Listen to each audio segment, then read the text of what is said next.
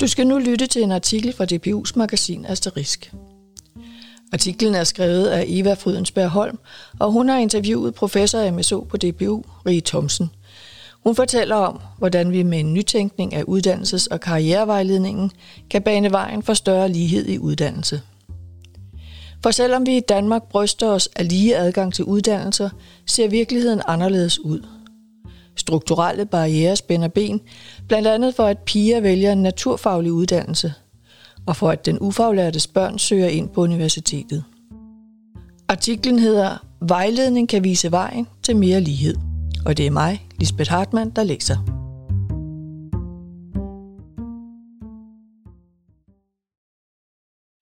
Udlandet skæler ofte misundeligt til Danmark, hvor gratis uddannelse og uddannelsesstøtte giver os alle lige muligheder for at tage den uddannelse, vi drømmer om. Men selvom tømmerens søn og juristens datter i princippet har samme muligheder for at vælge frit på alle uddannelseshylder, er det ikke sådan, det ser ud i praksis. Det fortæller Rie Thomsen, der er professor i MSO i karrierevejledning på DBU Aarhus Universitet. Vi taler om, at alle har lige muligheder som et princip, og det bliver lidt en sovepude, for vi ved, at det ikke er særlig sandsynligt, at børn af forældre med kort eller ingen uddannelse søger ind på universitetet. Der er nogle barriere, der gør, at det ikke sker, siger Rie Thomsen. Hun har gennem de seneste år deltaget i en række forskningsprojekter, der undersøgte, hvordan man gennem uddannelses- og karrierevejledning kunne arbejde med de barriere, der knyttede sig til socioøkonomi, men også til køn, etnicitet og geografi, for derigennem at skabe større lighed i uddannelsessystemet. Rie Thomsen siger, hvis vi skal have de unge til at blive bevidste om deres muligheder, så er første skridt at få dem til at arbejde med at ønske noget for sig selv – noget, som de ikke vidste, de kunne ønske sig. Vi kan præsentere nye muligheder for dem i vejledningen, men vi kan også give dem en bevidsthed om, at vi selv sorterer. At man som kvinde eller mand for eksempel ubevidst frasorterer nogle fag, fordi man identificerer sig med et køn, der typisk ikke beskæftiger sig i de fag. Hun fortsætter. Selvsortering sker ofte uden for vores erkendelse. Det er noget, der sker bag ryggen på os, så vi ved reelt ikke, at vi afskærer os selv fra noget. Næste skridt, forklarer hun, er at få de unge til at tro på, at de kan gennemføre uddannelsen. I den traditionelle uddannelses- og karrierevejledning er der ofte fokus på at vælge uddannelse. I 2016-18 undersøgte forskere fra DPU Aarhus Universitet og via University College i forskningsprojektet Udsyn i udskolingen, hvad der sker, når valgorienteret vejledning skiftes ud med læringsorienteret vejledning. Læringsorienteret vejledning sigter mod at åbne elevernes øjne for mulighederne inden for uddannelse og arbejdsliv. Rie Thomsen har efterfølgende været med til at følge op på forskningsprojektet. Hun siger, når aktiviteterne fokuserer på valg, så beder man samtidig de unge om at tage stilling. Og det trækker meget hurtigt familie, venner, omgangskreds og selvforståelse med ind i billedet. Alle de faktorer er nemlig med til at bestemme, hvad eleverne siger ja og nej til. Så vi besluttede at gentænke aktiviteterne og lade de unge koncentrere sig om at finde ud af, hvad der egentlig findes af erhverv, arbejde og uddannelse i vores samfund, og ikke mindst at lære noget om sig selv uden at skulle tage stilling til, hvad de skal i fremtiden.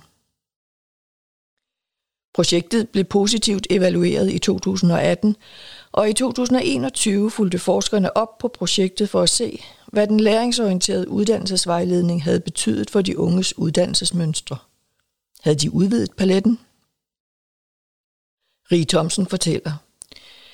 Evalueringen viste en klar tendens, Lidt flere var gået efter en erhvervsuddannelse, og lidt flere var fortsat i uddannelsessystemet.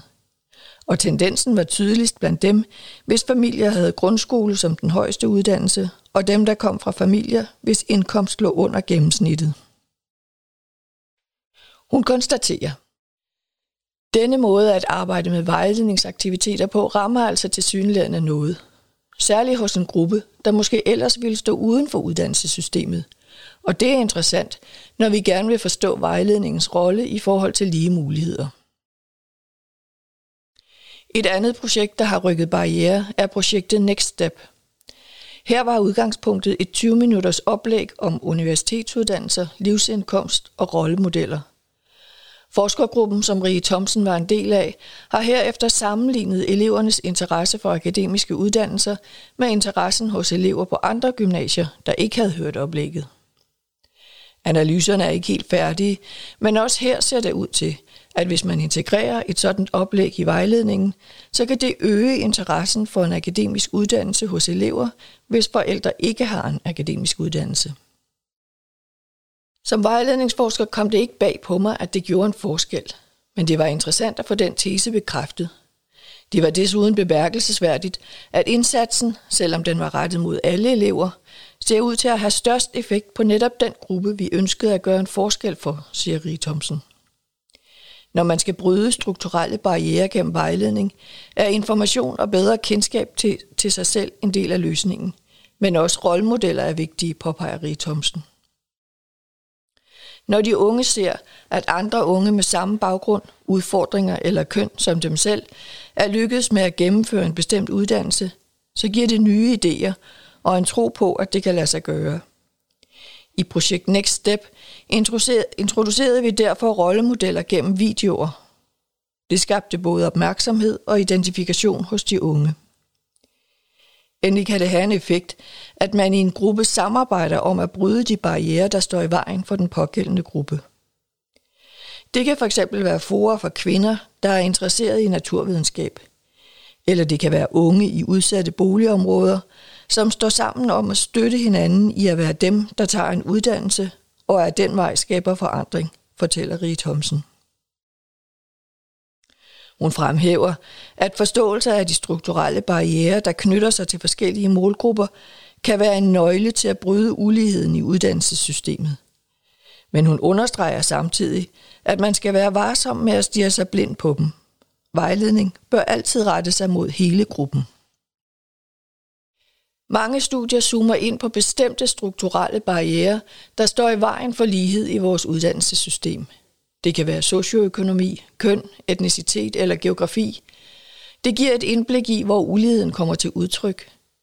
Men udfordringen er, at man hurtigt kommer til at kategorisere og fokusere på nogle bestemte målgrupper i stedet for helheden, siger Rie Thomsen og uddyber.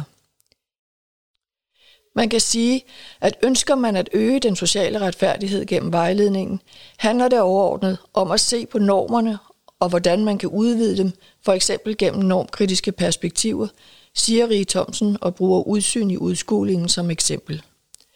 Her opdagede eleverne blandt andet, at der var forskel på deres egne fordomme og forståelser af erhvervsuddannelser, og så det de reelt oplevede, når de besøgte uddannelserne. Rie Thomsen slutter. Der er et tydeligt hierarki mellem ungdomsuddannelserne, og det er ikke så overraskende. Men måske kan vi komme et skridt videre ved at tale om det hierarki på et oplyst grundlag. Ikke fordi vi derved kan afskaffe hierarkiet, men fordi det kan give de unge en mulighed for selv at tage stilling på baggrund af viden og erfaring. Det var Eva Frydensberg Holms artikel om, hvordan vi ved at ændre fokus i uddannelsesvejledningen kan give unge et bedre grundlag for at vælge uddannelse. I den skrevne version af Asterisk-artiklen er der et par faktabokse, og du finder også lidt mere information om forskeren og nogle bud på, hvor du kan læse mere. Og så er der vist bare tilbage at sige, tak fordi du lyttede med.